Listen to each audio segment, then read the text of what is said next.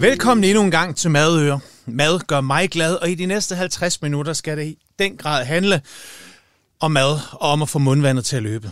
Vi skal snakke om den mad, vi selv laver og indtager derhjemme, og om det, vi spiser ude på restauranterne. Og som altid, så runder vi lige de gastrokulinariske headlines, og så garanterer vi som altid masser af tips og tricks. Og som altid er jeg heldig at være flankeret af en gæst, et fantastisk menneske, en person med enormt mange forklæder. Der er en madskole, Masterchef-vinder, madspilsaktør, kogebogforfatter. Velkommen til Tim med efternavnet Vladimir. Tak for det. Tim, gammel stand-up-komiker, komiker, skuespiller, radiovært, tv-vært og mere endnu.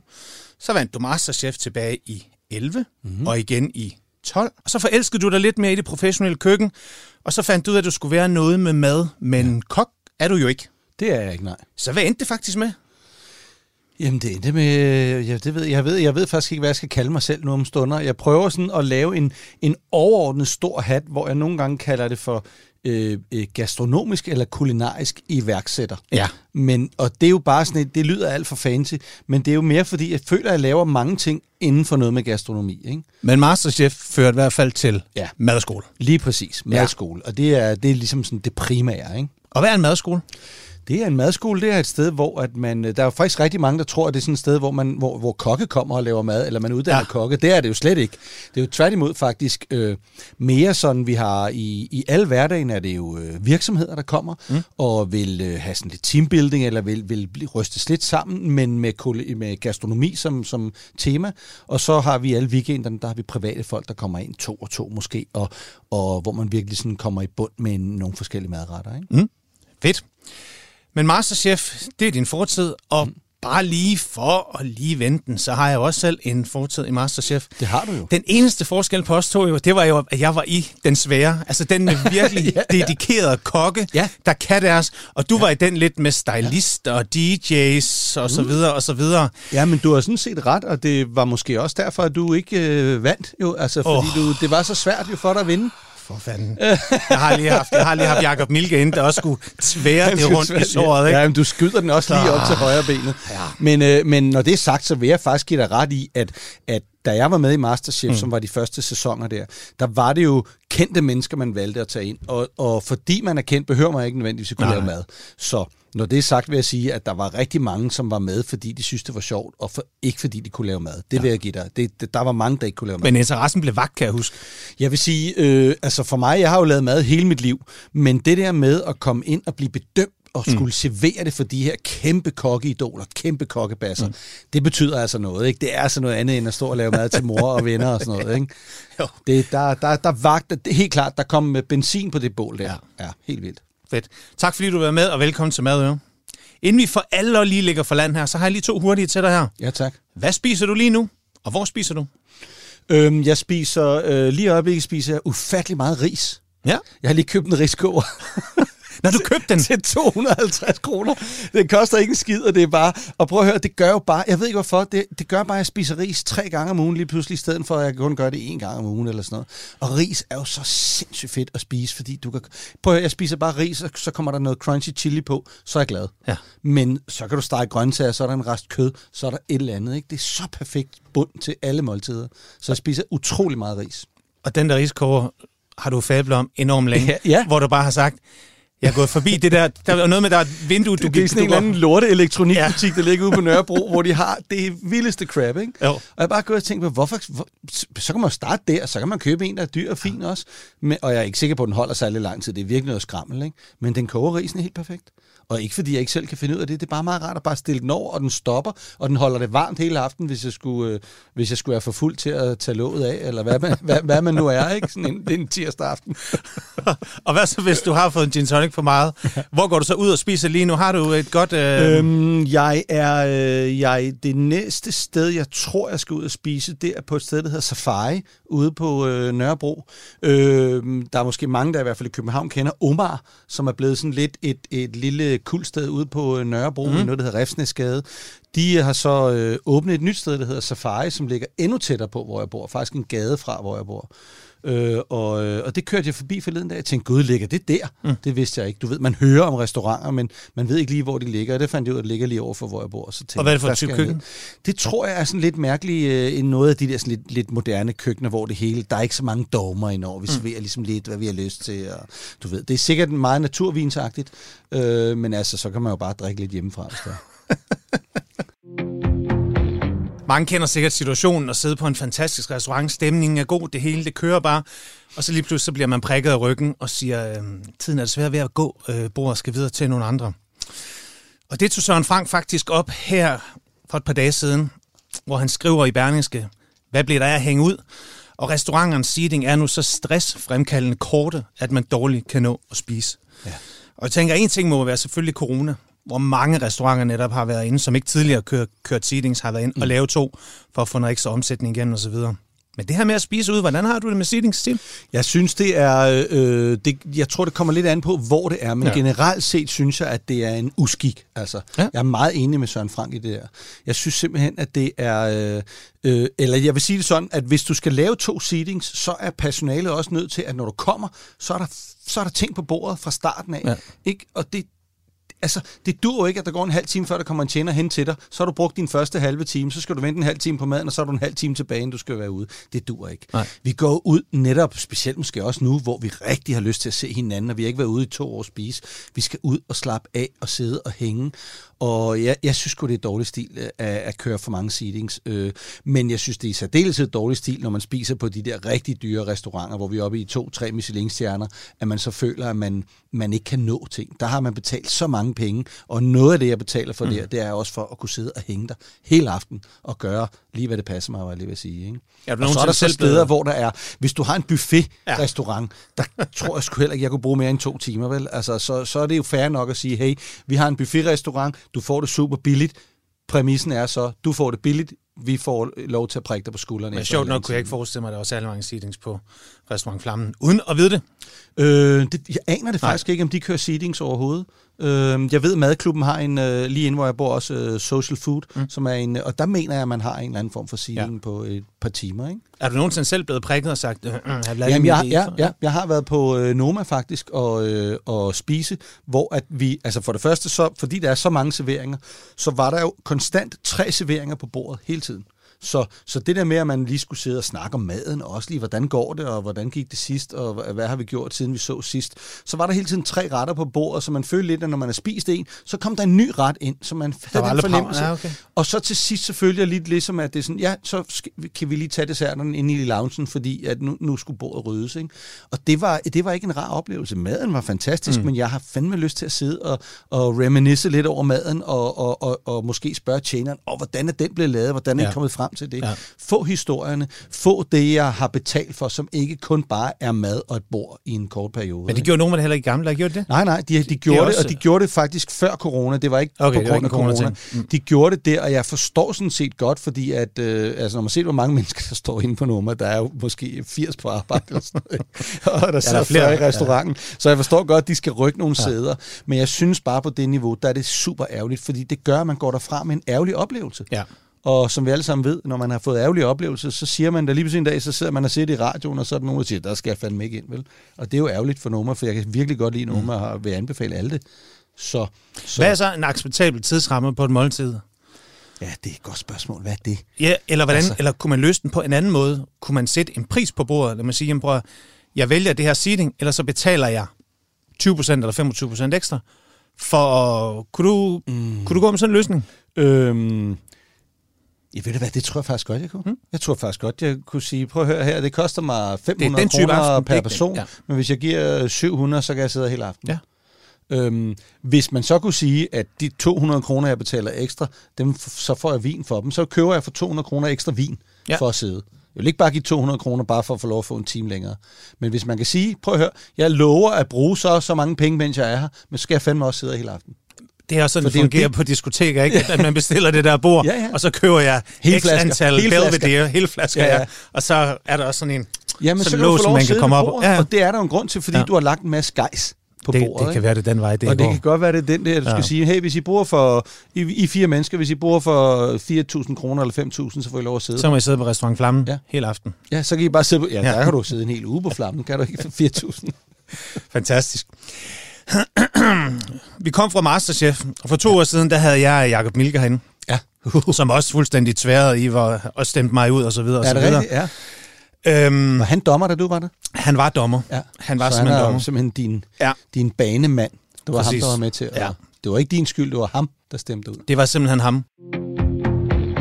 Tim, vi snakkede om Masterchef, og Masterchef blev til madskole. Ja. Du har en madskole i Valby, en i Aarhus, og så er der også noget på Amager. Ja. Et andet program her på kanalen smed i torsdags det danske skoleskema op i luften, for at kigge på, hvad der skulle forbedres. Mm. Og øh, det er jo ingen hemmelighed, at når det kommer til husgærning i den danske folkeskole, mm. så er der noget helt fuldstændig galt. Et konkret eksempel fra min egen familie. Min datter på 12, du har en dreng op på 12 også. Ja. Hun kom i sidste uge hjem fra husgærning. Sagde, Nå, men hvad har I lavet i den her uge? Vi har lavet fast lavnsboller. Ja. Nå, hvordan lavede I det? Jamen, vi fik sådan et brev med kagecreme. Ja.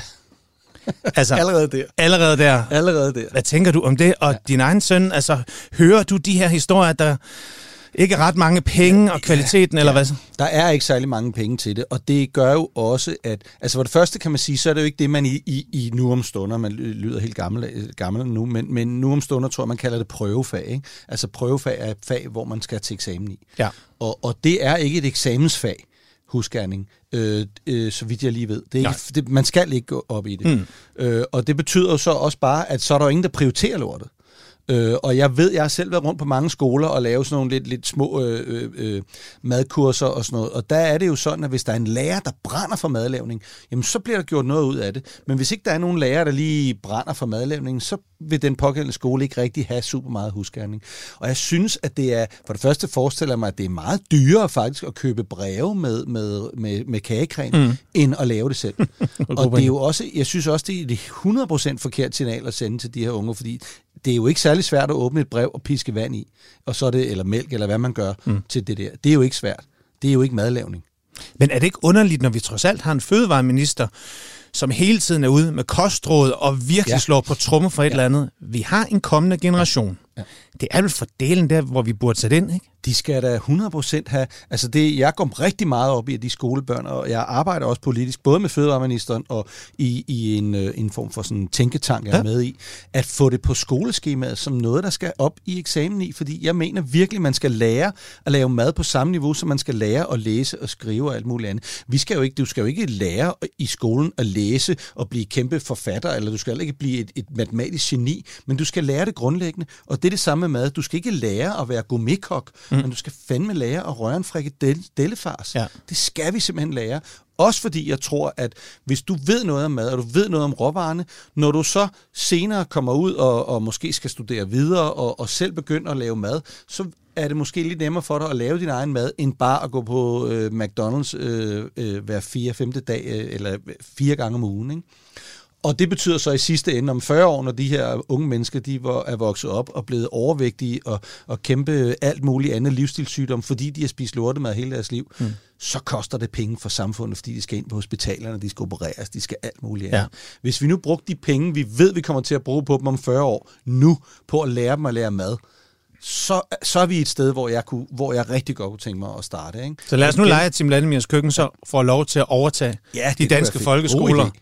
En måned. Ja, Rasmus Prehn, hør det her. Ja, Hør sådan lidt her. ligesom, var det, var det Jamie Oliver, der på et eller andet tidspunkt fik, fik han kantinerne i England? Ja, eller et han eller gjorde et, ja, han ja. lavede et program, hvor han, altså det var jo også, de er jo helt ja, det vildt helt derovre, vildt. ikke? Jo. Fordi de madordninger, der trods alt er på skolerne rundt omkring EAT og sådan noget, er jo faktisk rigtig fine. Mm. Ikke?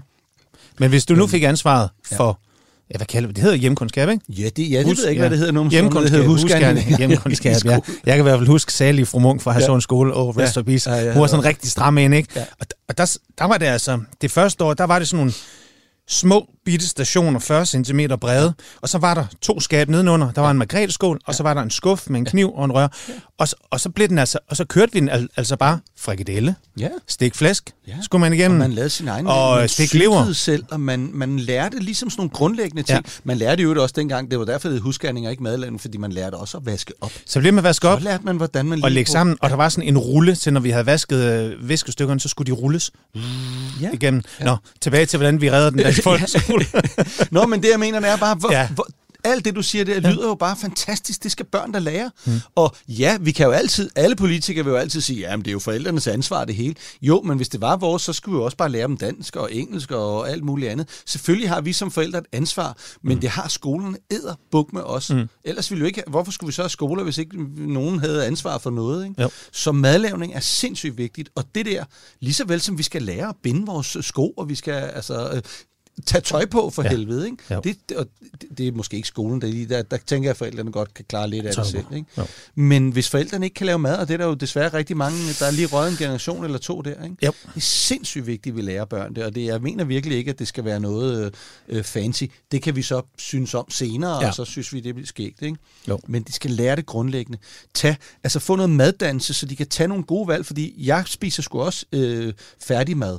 Det, det, det gør jeg da. Selvfølgelig gør jeg det. Det gør vi alle sammen. Hmm. Men når jeg gør det, så ved jeg også, hvad jeg skal vælge. Jeg går ikke ned på nederste hylde til den der øh, lasagne til en tier, helt bundfrossen, og der er den ligget i tre år. Ikke? Hmm. Jeg ved, jeg vælger noget ordentligt. Og det Ja. ved jeg, fordi jeg ved noget om det. Og hvis børn, unge mennesker ved noget om det, så vælger de også. Jeg tror faktisk, mange unge mennesker er meget bevidste om sådan økologi og, og sådan nogle ting. Ikke? Ja. Men det kan godt være, at de ikke nødvendigvis ved, at økologi er jo ikke nødvendigvis kvalitet.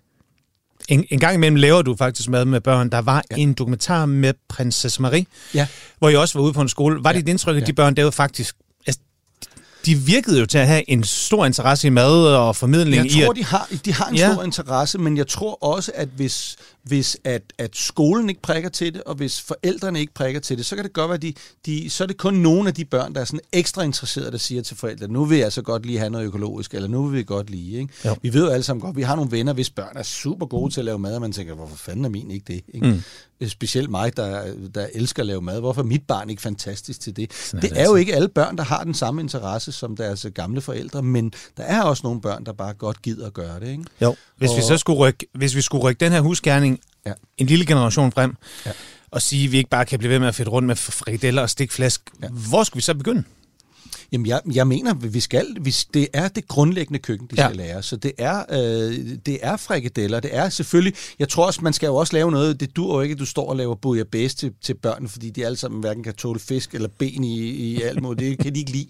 Så derfor tror jeg, at frikadeller og brun sovs og kartofler, de elsker de. Snitsler, alt det der. Det godt være, det ikke er super sundt, men det er, det er sådan grundlæggende madlavning, og jeg tror virkelig meget på, hvis man selv laver maden, og laver det ordentligt, og man ellers spiser varieret, mm. så er det sundt nok til mig i hvert fald, til at man ligesom også ved, at nu kan vi også godt lave en salat. Ikke?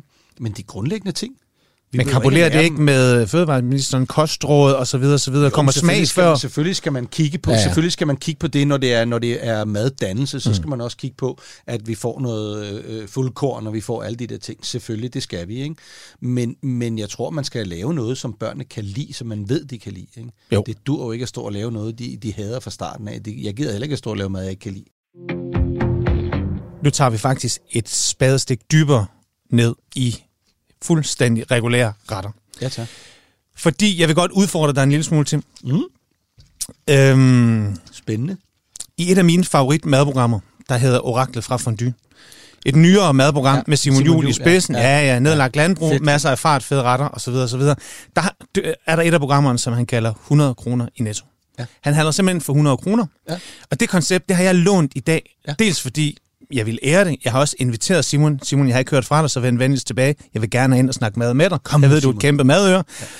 Du er gammel masterchef, vinder gange to. Så jeg tænker, nu skal vi skulle snakke mad, og hvad mad kan blive til. Ja, okay. Så jeg har handlet ind for 100 kroner i netto. Ja. Det her, det er jo radio. Ja.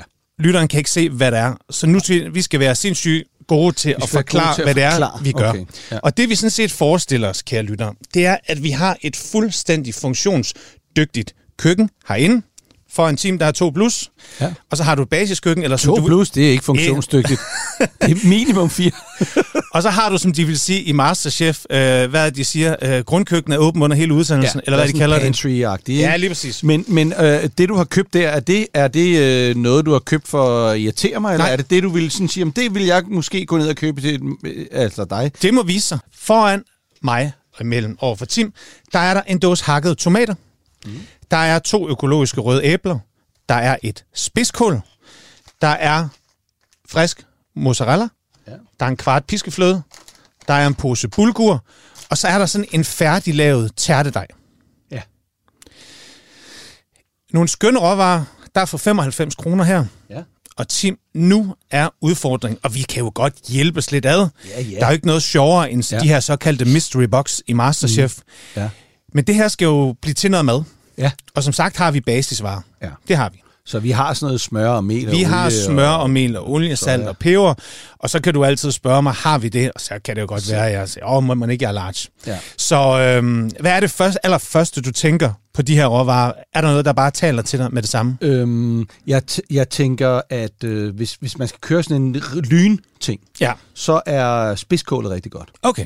Fordi at øh, det kan man bare, øh, sådan set bare, det her spidskål er sådan lidt, øh, det er ikke et kæmpe spidskål, vil Nej. jeg sige, men det kan man sagtens flække i fire, og så lige øh, stege brun på skæresiden. Prøv her, du får lov til at tænde komfuret. Ja. Tal, tal os igennem en super lækker spidskålsret, som alle kan forstå derude. Ja, lige præcis. Her er et øh, frisk spidskål. Mm. Jeg ville øh, skære, tage de yderbladene af, måske hvis det var lidt øh, beskidt på mm. eller et eller andet. Så vil jeg skære det i kvarter, så man har ligesom sådan nogle både. Øh, og så vil jeg smide noget øh, smør på panden, og måske lidt olie også. Jeg kan godt lide at blande de to ting, så ja. jeg ikke brænder smøret. Og så vil jeg tage de der snitflader, der er jo to snitflader på en kvart, og stege dem, så de bliver ret sorte faktisk. Meget mørkt. Okay, det bliver ikke for bittert eller for... Øh, nej, nej, jeg synes bare, det bringer sødmen frem i det her okay. øh, øh, kål. Det synes jeg overhovedet ikke bliver bittert af det. Og når de så er blevet godt brunet, så vil jeg hælde en, måske en deciliter vand ned i, øh, i panden, og, og sætte låg på, eller dække det på en eller anden måde, mm. så kålet lige bliver dampet færdigt, så det bliver blødt og lækkert, men uden at falde helt sammen. Vi skal jo have noget knas, alt dente. Ikke? Ja, lige præcis. Hvis det skulle være rigtig fancy, så kunne man måske gøre det samme med fløden. Hælde fløde i i stedet for vand, og så lade fløden reducere lidt op omkring kålet, så den damper i fløden. Så har man allerede der lidt reduceret fløde, og så, som også tager lidt af smagen for det der øh, brændte kål. Mm. Så har man allerede en ret der. Det er bare det. En dejlig grøntsagsret. Ja, en, med- det, det, det, er bare, det kunne bare være det. Ja. Jeg vil sagtens kunne tage noget af det der æble der og, og skære i øh, tern eller skiver og, og drøse ud over kålen til sidst for at få noget friskhed øh, over det. Helt sikkert. Det vil jeg godt kunne. Den her mozzarella kunne man... Øhm... Ej, den vil jeg nok ikke putte på. Men havde man en... havde man en, en, en parmesan bitte- eller ja. lidt gus, havgus eller et eller andet, så rive lidt ud over der, ikke? Jo. Øhm, det, vil, det, det er nok. Altså kål, og i virkeligheden uden fløden, men kålen og så æblet, det er super lækkert. Stik af, dampet, så det, er stadigvæk er dampet, lidt... så det, lige, så det Ja. ikke bare stegt, for du kan ikke, hvis du steger det for længe, så altså det skal steges rigtig længe, før det bliver mørt. Ja. Ikke? Men dampen gør det. Kan man lave sådan noget i ovnen, hvis man bare... Eller- eller du skal det have noget smide de her stykker ind i ovnen, og så bare øh, på fuld blus, ikke? Ja. Så, øh, men så bliver det også branket på oversiden, så jeg tror, man skal lige holde lidt øje med det. Men okay. Det vil man sikkert godt kunne. Ja, Og, og var du gået videre på den ret i Masterchef? ja Ja. selvfølgelig. Kiel, men så får det, du lov. det kommer an, altså hvis jeg havde haft en time til det, ville jeg nok nødt okay. til at Okay. gøre det lidt mere kompliceret, men, men en ret, som hvor man, hvis det kun var kvarter for eksempel, ja. eller 20 minutter, så er sådan en kål der jo bare en gave. Mm. Og altså, prøv at høre, det her, uanset hvad du gør med det der, snit det, og, og, og brune det lidt af, og så fløden på, og reducere ned omkring, og så nogle friske æbler på, det smager jo sindssygt godt, ikke? Præcis. Kål lyder lidt kedeligt, og jeg ja. Tror, fra, barndomsben, fra barnsben af har vi alle sammen lidt, øh, kål, vi kan ikke tåle det, men det smager jo sindssygt godt, ikke? Er der noget kål bare ikke kan, sådan en spidskål? Øhm, nej, du kan Nej. også, bare du snitter det, og så blander det med, med, med lidt mayo, så har du, har du en coleslaw. Altså det, det, nej, jeg kan, ikke, jeg kan ikke lige umiddelbart se, hvor det her vil være øh, super dårligt. Ikke? Hvis man rigtig er kompliceret, så kan du lave kimchi af det også. Ja, så han også lige og tænke, Men det, det, det, det kræver, synes jeg, du kan sagtens lave en lynkimchi, hvor man bare lige hurtigt får det kimchiet op. Jeg ved ikke, hvad det hedder. Det er jo ikke en syltning, det er jo en, er jo en fermentering. Ved det du, hvordan jeg laver min lynkimchi? Nej. Fuldstændig tyndskåret. Ja. Så tynd, som du overhovedet kan.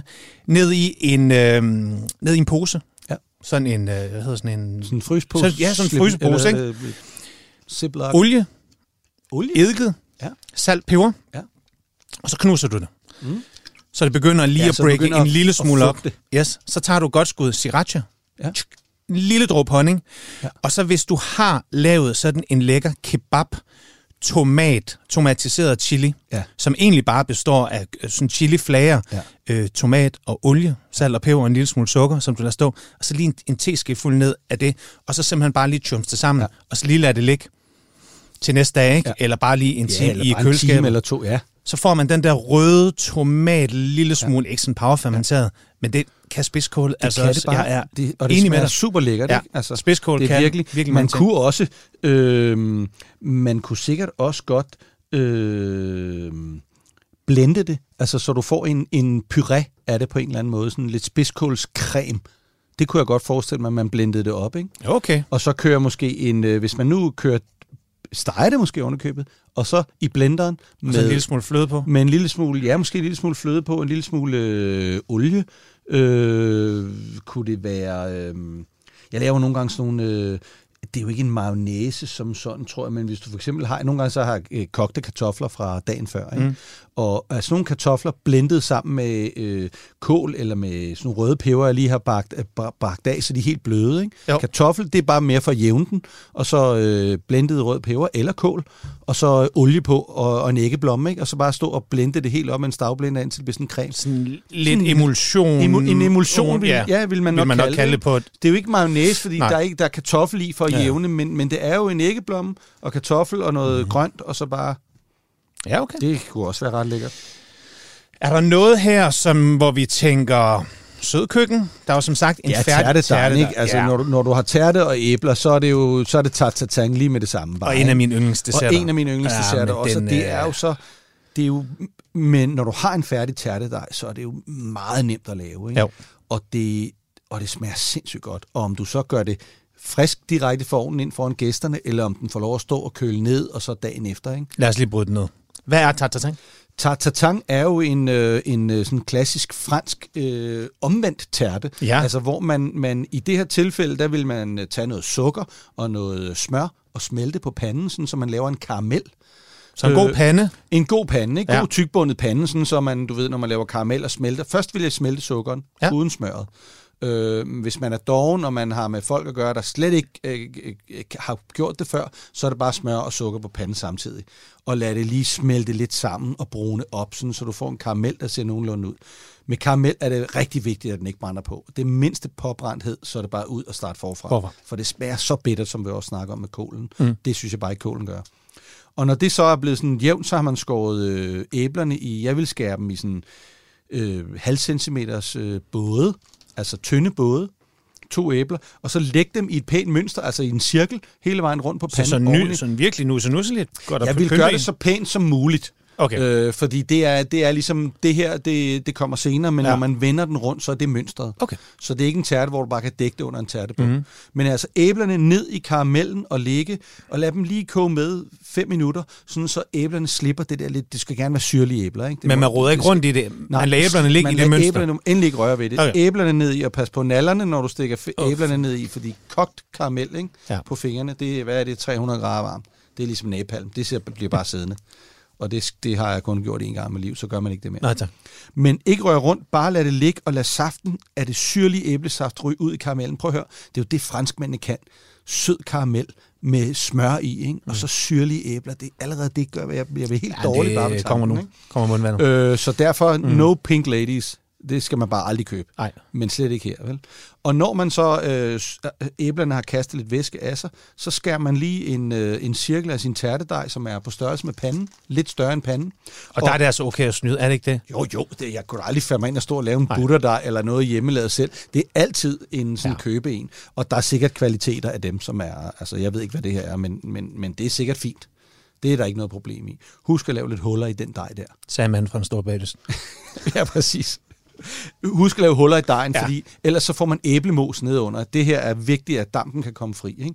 Og så, så, så ligesom om, når man, når man, øh, du ved, når man ræger seng, så vil man gerne have lanerne godt ned under madrassen. Og sådan er det også med, med, med dejen her på panden, at du lægger dejen hen over æblerne, Ja. altså øverst i panden, og så skal man med en ske, ikke med fingrene, men ligesom få, få dejen lidt ned langs Tuck, siderne på tuck it panden. in, som Gordon tuck it in. Ramsay Ja, vil lige sige. Ja, ja, jeg kan lige høre det.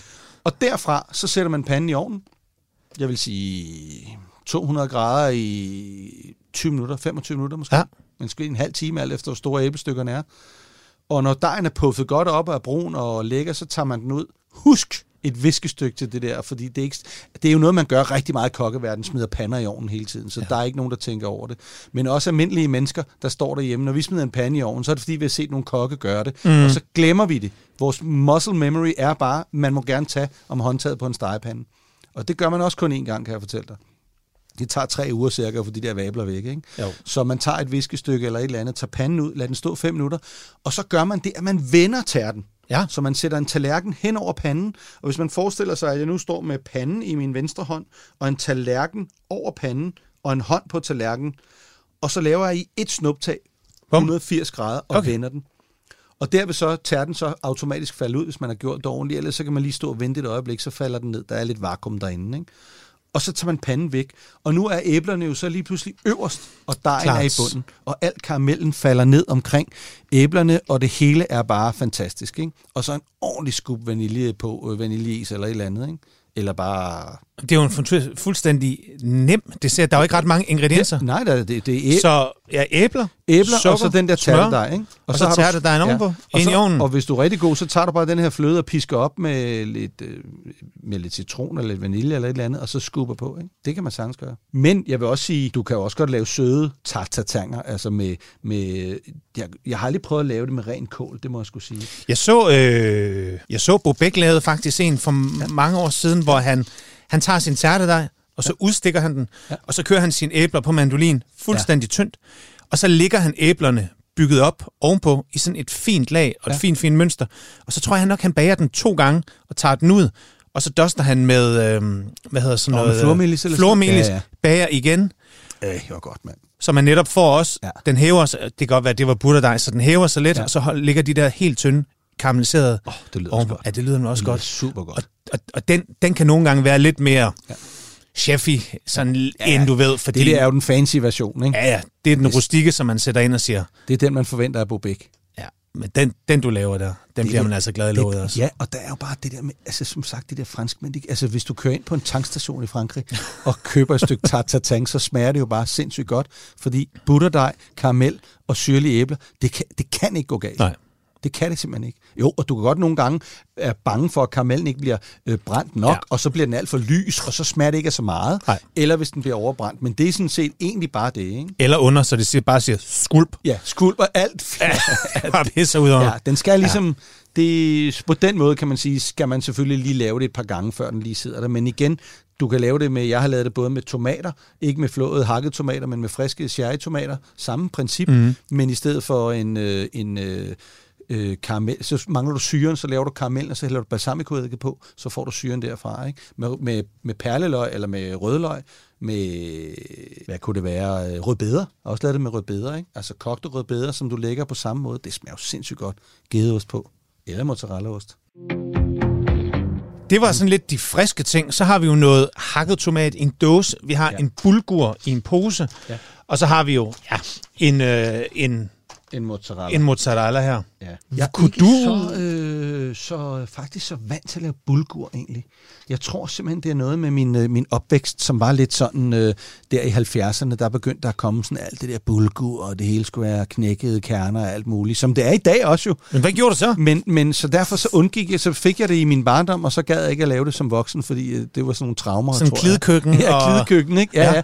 Og min far havde i en uh, lang periode en, uh, en, uh, en fantastisk kæreste i øvrigt, men som var vegetar, så vi spiste jo, når vi var der, mm. fik vi meget vegetarmad, og det var altså dengang, hvor vegetarmad var sådan lidt en, sådan en Nutana-dåse med en eller anden mærkelig form for paté, som med nødder, man lige vendte ud, og nogle gange stegte man den, ikke? Men der var meget af de der øh, bulgur og sådan noget. ikke? Ja.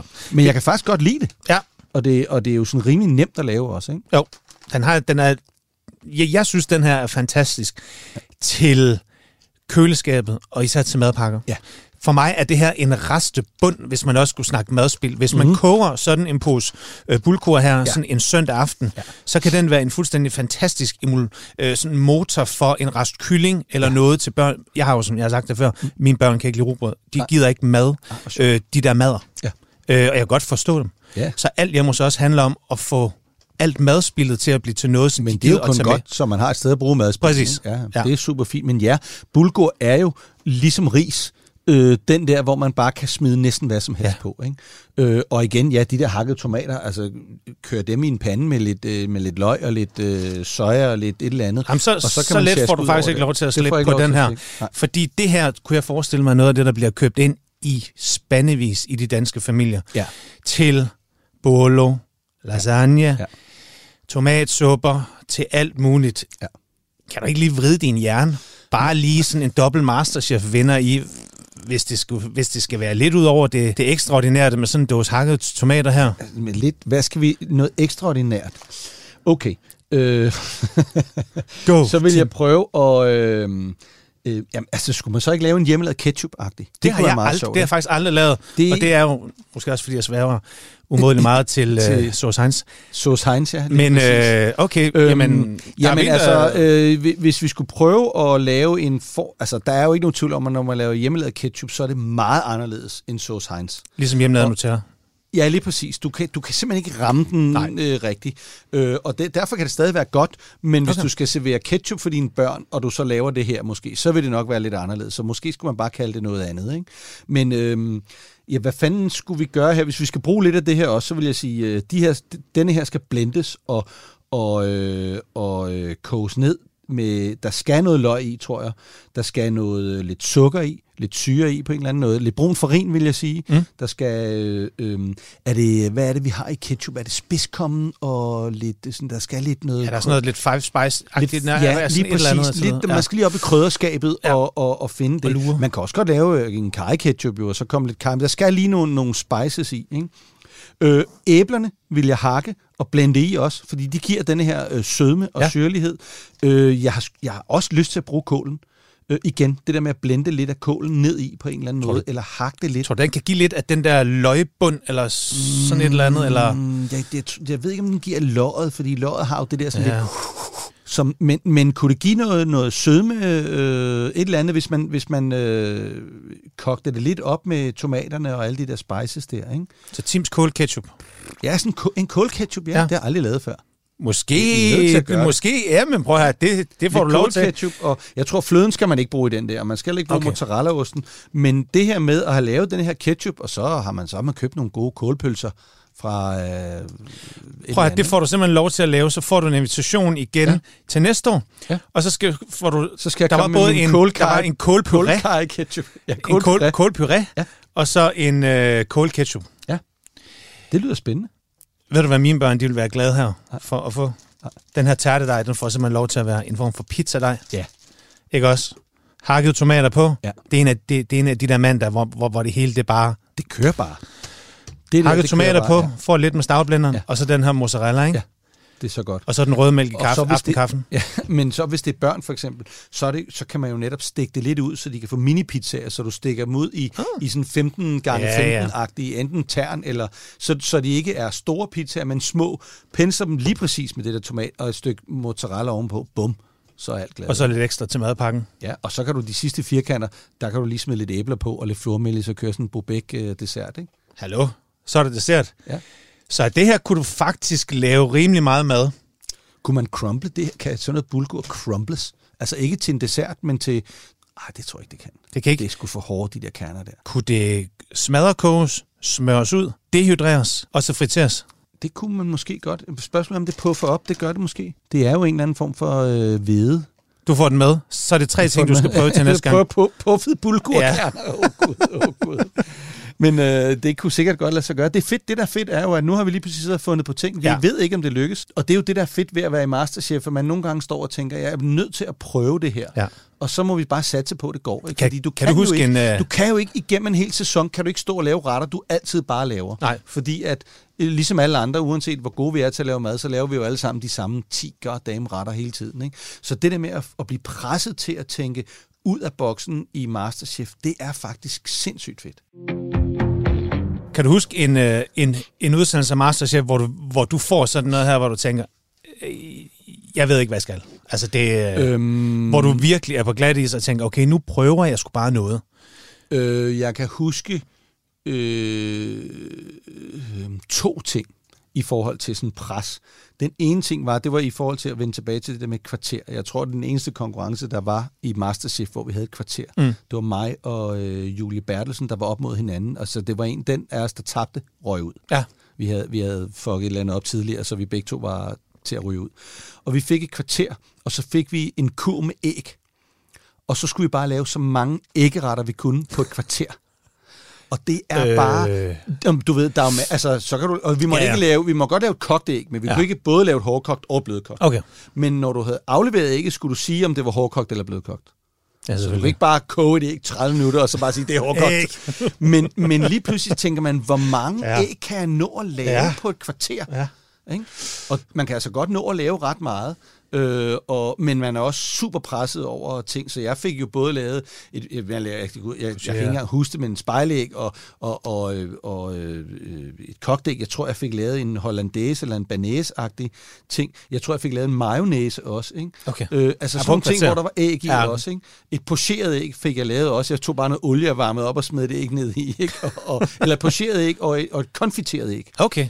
Øh, hvor Julie hun fik lavet en, øh, et sådan snebold, som, som jeg overhovedet ikke havde tænkt over. Det der med, at man pisker æggehvide op, og så øh, når det så er helt opkogt, så, så vender du det egentlig i, i, i, øh, i kogende vand, sådan, så det bliver sådan en, en mærkelig no. kogt, pocheret øh, æggehvide masse, Okay. som jeg aldrig havde tænkt Ej, det- det- overhovedet, det men må hun har så heller ikke tænkt ligger- over at konfitere det ikke. Vel? Ah, okay. Så, men, men, men jeg tror faktisk, hun nåede at lave et, en æggeret mere end mig, ja. men to af hendes blev ikke godkendt hvor at mine blev godkendt, så derfor vandt jeg lige den over hende. Ikke? Øhm, en anden ting, jeg hurtigt kan huske, er, at vi en dag havde en, en konkurrence, hvor vi fik 10 minutter eller 5 minutter til, nej, det var ikke engang så lang tid, 3 minutter til at løbe ind i pantry og finde alle de ingredienser, vi havde lyst til. Vi skulle bare lave en ret fra scratch af. Så man tænker, mens man samler ind i denne her butik, og, og øh, jeg, jeg tror, jeg skulle lave en risotto, øh, fordi vi havde vist kun en halv time eller tre kvarter til at lave maden bagefter. Så jeg købte ind, om man så må sige, til en risotto, og er fuldstændig klar, og så siger de, hov forresten, så bytter I lige. Så alle, alle mine ingredienser røg over til en eller anden og jeg fik så en andens ingredienser. Og så står man der med rensdyrfilet og alt muligt gøjl, ikke? Altså, og, jo, jo. Åh, fuck, ikke? Altså, og hele ens system har bare stået og tænkt, nu skal jeg lave den her ret, ikke? Mm. Øh, men så fik jeg lavet, og så ud over det, så var der også et ekstra catch i denne her, at et kvarter eller 20 minutter inde i konkurrencen, så skulle vi åbne en skuffe, og så lå der en hummer derinde, vi også lige skulle inkorporere i retten, ikke? Jo. Ingen hummer her i dag, skægt, altså. så øh, men Ja, måske det, her var, det her var nemmere, også, det var fordi, at vi, ikke? også fordi det er teori.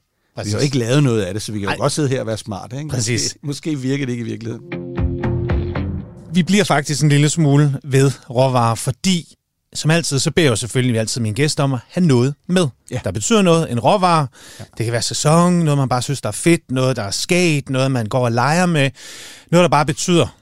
Og øh, jeg er sgu altid spændt på, hvad folk har med. Hvad har du med i dag, Tim? Jamen, jeg har, altså jeg, jeg kunne have taget rigtig mange ting med, for jeg føler faktisk, at jeg har sådan en helt grundlæggende kasse med ting, jeg altid bruger. Ja. Men øh, nu har jeg taget soja med. Og soja er måske, øh, øh, vil, vil måske lyde lidt mærkeligt, fordi så tænker man, laver han bare altid asiatisk mad. Så er der Men- forårsruller, så er og så flækker vi lige op, og så er der soja i, og det var det. Fedt, tak for i dag. Det var mad. Åh, Nej, ja. jeg har faktisk, øh, jeg tror i den tid, jeg har haft min søn, som er 13 år nu, der har jeg fået forårsruller en gang, fordi jeg gik op for mig, at han ikke vidste, hvad en forårsrulle var. Og så købte jeg sådan nogle frosne nogen, Ja. og lavede det, og det var, det var ikke en succes, fordi de smagte super dårligt. Ja. De var rigtig dårlige, og jeg husker dem jo som, så jeg tror, man skal lave dem øh, en dag sammen. Vil man lave dem selv, så kan jeg jo give et kæmpe plug til ja. Ja. øh, James Brise, Ja. min, en af mine tidligere gæster, ja. Ja. som har en fuldstændig fantastisk opskrift på netop forårsruller, hvor han er laver modtaget. alt selv. Den ligger på YouTube, så gå endelig ind og se og det den er jo James. en super lækker spise, er og i særdeleshed, tror jeg, hvis man netop Ja. ja. laver den selv. Ikke? Men soja for Ja, ja, mig soja. er soja for mig er to ting. Det er umami, og det er salt. Og hvad er det umami er? Umami er den her femte øh, smag, som er ekstremt svær at beskrive, øh, men den giver jo denne her sådan dybde, den her krop, den her bund, som, som, som er i kød, Ja. i øh, parmesanost, i tomater, i svampe, i, øh, i soja. Ja. I ferment, de her fermenterede bønner også. Så jeg ved ikke, om, hvad, hvad- hvordan man ellers skal kunne beskrive det. Nej. Det er den her smag, man fandt ud af, som rent faktisk er en isoleret smag, ud over de andre grundsmage. Ikke? Jo. Øh, og, øh, og som er, har jeg fundet ud af, jo efter man fandt ud af, når umami, hvad er det, og man satte ord på, fundet ud af, at det er ekstremt vigtigt for mig, at der er umami med i mad. Ja. Øhm, jeg går bare og venter på det tidspunkt, hvor folk begynder at finde ud af, at åh, jeg er umami-allergiker. Nu har gluten ligesom været et eller andet. Så... Glue! Ja, men nu har, der Ja, også været, nu har der også været 10 år med nordisk køkken, som jo nærmest intet umami havde i sig overhovedet. Det var bare fersk fisk og, og noget, noget agurkevand og sådan noget. Ikke? Al respekt for det. Ikke? Men nu er de jo alle sammen begyndt netop at finde ud af, damn umami, ikke? så det er japanske og asiatiske retter, de bruger. Jo, miso, miso, Men miso. soja, Ja. det er jo ikke... Jeg føler ikke, at min mad er asiatisk overhovedet, men når jeg laver en, en bolo, eller en, en anden gryderet, øh, eller en, en øh, frikadelle, så kommer jeg faktisk soja i. Ikke særlig meget, men nok til, at det tilfører salt og lidt umami. Det er ikke sådan, at mine frikadeller smager soja. Det håber jeg virkelig ikke, for det er slet, det er slet ikke meningen. Nej. Min bolognese smager heller ikke af, af Japan eller af forårsruller, men den har forhåbentlig den der sådan bund af noget, som bare giver noget ekstra. Den giver et ekstra lag af noget, så selvfølgelig putter jeg også lidt salt i, men jeg prøver faktisk at bruge så meget soja, jeg kan, uden at det smager soja. Så du salter med soja? Jeg salter så meget, jeg kan med soja, men Okay. det er klart, at soja smager af meget også. Så det gælder også om at finde nogle sojaer, hvor du kan sagtens få gode sojaer, som, som ikke smager utrolig meget af den der kikoman soja, som jo er en kraftig soja, ikke? Jo. Øh, og tamari soja og alt muligt hvide soja og sådan noget, ikke? Og hvad er det for en soja, du har med her i dag? Men det er, øh, det, er en, øh, det er jo faktisk en magnumflaske, som Ja, ja, man kan se, og det, det, er ikke, det er ikke sådan en klassisk kikoman. Jeg køber dem faktisk inde på Yes Chef, fordi han har simpelthen han får importeret nedefra. Det er, der er mange historier omkring de der soja. ja, der. fordi soja er ikke Og- bare soja. Nej, nej. Og Nej, det, nej. så er det familiefirma, virksomheder, i, der er i tusind år. Ja, du kan, du kan få hele gourmet-historien om alle de der sojaer der. Jeg er bare mere interesseret i det der med, at det er saltbalancen og, og, og umami-balancen. Så nogle gange, så kan du godt have sådan en mega kraftig soja. Det kan jeg godt lide at drøbe på. Det kan være en salat eller noget et eller andet, hvor jeg også kan smage sojaen. Men tit og ofte, så går jeg efter soja, som måske er milde. Det kan også være hvide sojaer, som bare er, som også har en lille smule sødme. Fordi ja, man skal også huske at putte lidt sukker i sin mad. Ikke særlig meget. Nej. Et nip sukker. Lige så vel som man skal putte et nip salt i sin dessert. Præcis, for sukker er også en smagsforstærker. Sukker er en, en ekstrem smagsforstærker, ja. men i salte retter, der kan det bare hurtigt, der må det ikke blive sødt for Nej. sødt, vel? men sødmen skal jo være der. Øh, og det synes jeg, soja kan også, så det, det, jeg bruger det utrolig meget. Og da jeg stod derhjemme, tænkte jeg, gud, det kunne måske være øh, i stedet for citron, eller det, det, det tror jeg, de fleste af os har citron, og det bruger jeg jo også virkelig Ja. meget. Ikke? Så soja er en, en, øh, en, en vigtig ingrediens for mig, men ikke for at lave det asiatisk. Overhovedet ikke. Tværtimod nærmest. Ikke? Hvad så med de søde sojaer? Man kan også få sådan nogle tykke. Ja, åh, det er også godt, ikke? Ja. Altså, det, er, jo- det, er jo, det er jo sådan, de er jo sådan helt sirupsagtige, Ja, det er ikke? Ja. Men Øh. stadigvæk det der lidt mærkelige salte, ja. som er som vi, som vi som danskere jo faktisk er ret vant til i forhold til, når vi spiser lakrids, ikke? Det der søde lakrids med masser af salt i, ikke? Jo. Og som udlændinge eller folk i andre dele af verden tænker, det er jo fucked up, det der lakrids, ikke? Det er det jo. Men de søde sojaer, som har noget salt, og som stadigvæk har sirup og umami, øh, nærmest maltet i det, ikke? Jo. Det er også ret lækkert. Jeg har aldrig rigtig brugt det i desserter. Det skulle man måske prøve. En soja-dessert. Så umami, kan man sige, sådan for, det er dybde. Det er dybde på en eller anden Ja. måde. Det giver lige noget, noget, et, ekstra, et ekstra lag på en eller anden måde. Ja. ikke? Og det er svært, fordi at jeg tror ikke, at mange tænker, at parmesan og tomat og, og kød øh, smager af det samme. Men hvis man tænker over det, så er det i hvert fald alle tre ting, der går rigtig godt sammen. Ikke? Nu har du en lidt speciel kærlighed til det her spidskål. Mm. Soja og spidskål. Ja, det kunne man sagtens. Man kunne sagtens øh, øh, glasere spidskål op. Så ville det være sojasmagen, der man gik efter. Ja, ja. Man glaserer, Men glaserer kål- det op i, i so- soja og lidt, øh, måske lidt honning og sesamolie også. Åh, det er godt. Ja, det kunne vi lave et helt afsnit det kunne om. man lave et helt afsnit Ja. ja. om. Ikke? Og det bliver selvfølgelig måske meget associeret med asiatisk mad. Og det er mm. også en olie, som du ikke skal bruge særlig meget af, fordi det smager ekstremt kraftigt. Olivenolie, det kan du godt stege i, uden at du føler, at det hele smager af olivenolie. Men hvis du steger sesamolie, så smager det bare sesamolie. Ja, det skal man ikke. Det skal man passe på med, Ja. men, men sådan tre drøb, igen, som vi snakker om ris eller bulgur, tre drøb sesamolie ned i den der bulgur der, så har Så er man et andet sted. Så har man et måltid. Ja. Og så lidt koriander på, så er, du, så er det nærmest asiatisk, ikke? Hvis vi tør at sige, øh, vi skal ikke appropriere. Nej, noget det skal vi helst. så. Ins- Asiatisk inspireret. Præcis. Udover at du er glad for den her riskoger, så ved jeg også, at du er glad for en, en anden koger, nemlig en trykkoger. Ja. Og kører Åh. en masse, og ser på den her tid ja. over, at nu, nu kommer foråret forhåbentlig ja. lige om lidt. Mm. Men bruger du også soja til, til de her gryderetter? Altså Ja. til, ja. Ja, også i, øh, i, øh, altså, i fonger for eksempel. Ikke? Hvis jo. Du godt vil have en fong, så kan man sagtens putte soja i det også. Igen, man skal altid lige være varsom med det, så det ikke smager af soja, men det giver bare noget dybde. Ja, jeg, jeg putter altså alt, hvad der er en eller anden form for øh, øh, væske i eller noget, det putter jeg sgu nærmest altid soja i. Jeg putter selvfølgelig ikke soja i, når jeg koger æg, for eksempel. Mm. Det giver ikke nogen mening.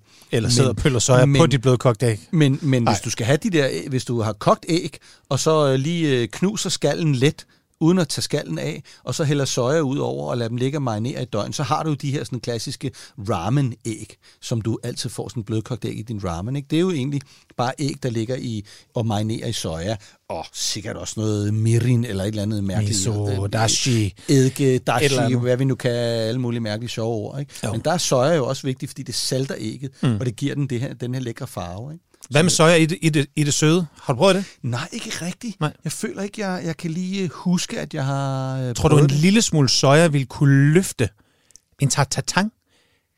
det eller er det kunne- fuldstændig jo, jeg tror, off? jeg tror, nej, det tror jeg. Hvis En du laver karamel? en salt tartar, Ja, en salt. en salt, hvis du laver en med rødbeder og balsamico eddike og sådan noget, der vil soja være super Ja. Jeg tror aldrig, jeg har gjort det faktisk, så det skal jeg prøve også. Jeg tror i en... Hmm, vil man kunne gøre det i sådan en... Ja, det, jeg tror sagtens, man kunne dryppe fire dråber soja i, men, men igen, man har ikke lyst til at sin tartatang med æbler smager soja. Men altså, er, er vi ikke snart ude i at konklusionen, og noget af det fede ved at lave mad, det er jo netop, at man kan lege. Ja. Hvis man har en basal grundviden Ja. og elsker at gå i køkkenet, Ja. så køb nogle ting. Snak, skænk et glas vin, og så se, hvad pokker kan det her blive til. Fordi havde vi nu haft et køkken, to flasker Mouton og Chile 82, Ja. så er jeg stensikker på, at det er er en ret magisk aften. Ikke? Så kunne det have blevet en rigtig hyggelig Ja, aften. Så er vi endt med at ligge i ske også og alt muligt. Det er øh, en perfekt aften. Det må blive en anden god gang. ja. Ved du hvad, Tim? Tiden er gået. Vi fik Øv. gået en dejlig tur ned af Masterchef Memory Lane. Vi kom ja. forbi 100 kroner i netto og en masse andet. Fuldstændig fantastisk. Tusind tak, fordi du vil være min gæst her i Madøre. Til alle jer andre, tak fordi I lyttede med. Madøre, det er hver søndag på Radio 4 kl. 12.10. Vi ses næste gang.